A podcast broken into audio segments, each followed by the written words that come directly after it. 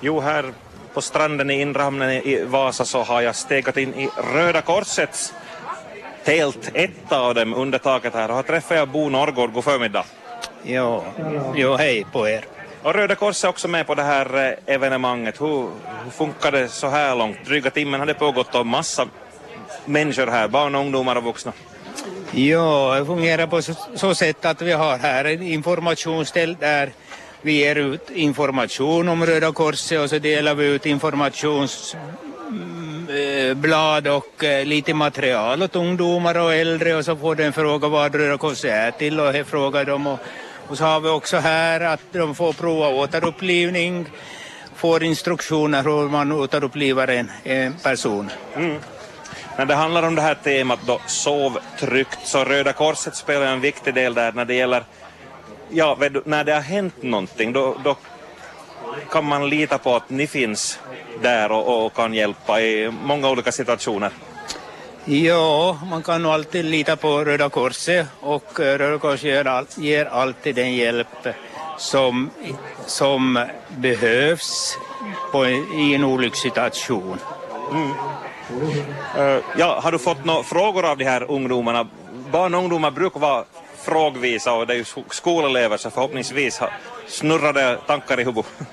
Jo, nu kommer det frågor just som jag sa om Röda Korset, hur det fungerar och hur man kan vara med i verksamheten och eh, kontakter, var man kan ta kontakt om man vill vara med och, mm. och, allt annat ja. möjligt. Ja, då bor vi, hur pass unga år kan man bli aktiv på sätt eller annat inom Röda Korset? Ja, jag tror det finns ju egentligen ingen eh, nedre eller övre åldersgräns utan man kan vara med, så föräldrarna kan komma med sina barn. Och så kan man eh, delta i lägerverksamhet och, och gå med i första hjälpgrupper. Och så har vi ju frivilliga räddningstjänsten som är en, en del av en del här i Röda Korset och här finns också information om frivilliga räddningsverksamheten och, där kan man också gå med och öva men man så att säga i, i, i verkliga situationer ska man vara myndig innan man kan komma med i sånt. Mm. Ja, nu hör du Bo, på tal om frågor, nu ska jag ställa en fråga. Vi står här under ett tält där är öppna väggar, men här har vi ett annat, det står Health Clinic. Ska vi gå över dit så får du berätta, att, ja, vad är det här? Gör. Ja, no, det här är en sån, en sån där grund, grund äh, tält där det utförs då äh, sjukvård både eh, operationer kan göras här och övrig, övrig så att säga ta hand om patienter då skett, skett någon olycka. Det är alltså ett, fältsjukhus om man så säger? Ja, det är fältsjukhus, en, sån del, en del av en stor enhet. Ja. Här är det då alldeles realistiskt, här finns ett par britsar här och här ännu har vi operationssal och här finns dockor, en, en, kanske en mor och ett barn och här är en baby ännu, så det är dockor som visar hur det kan, hur det kan se ut. Ja, jag börjar med att, eh, att första delen så skeende inskrivningen och så följande del av det här tältet så är det här så att säga där, där de eh, vårdas eh, och övervakas och sen så den här tredje delen så är den där det kör då operationer och övriga sådana ingrepp. Mm. Ska vi gå in i operationssalen här?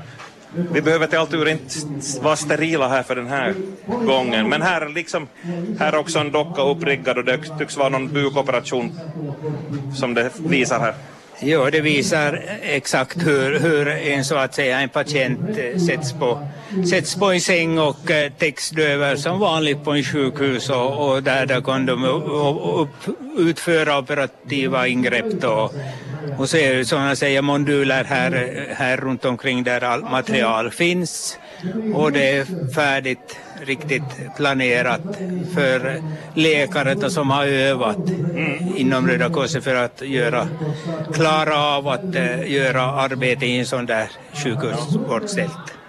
Ja, situationen och det som har hänt det, det dikterar ju vad som bör göras men hur pass avancerade operationer och ingrepp kan man göra under sådana här förhållanden? Jag skulle säga att eh, man kan väl egentligen göra allt vad som krävs. Inte något sådär riktigt avancerat om man tänker på hjärta och sånt där. Men, men i övrigt så kan man nog göra allt akut. Mm. No, det här är alltså ett, ett riktigt fältsjukhus som ni nu har packat upp så här demonstrativt syfte, men hur många sådana här har Röda Korset i sina lager här i, i Finland?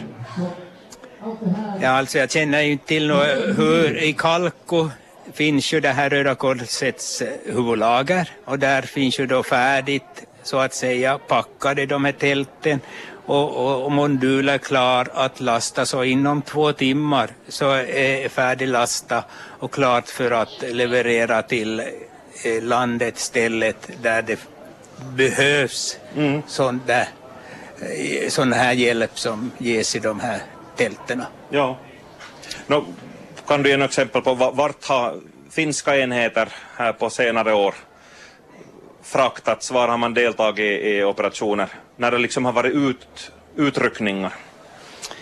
Ja, nu närmast 2016 så är ju Grekland som har, har behövt och i, då i samband med Tyskland som eh, Finlands Röda Kors har, har, har varit där och hjälpt och 2015 då är det i Nepal och där också var i samarbete med Tyskland.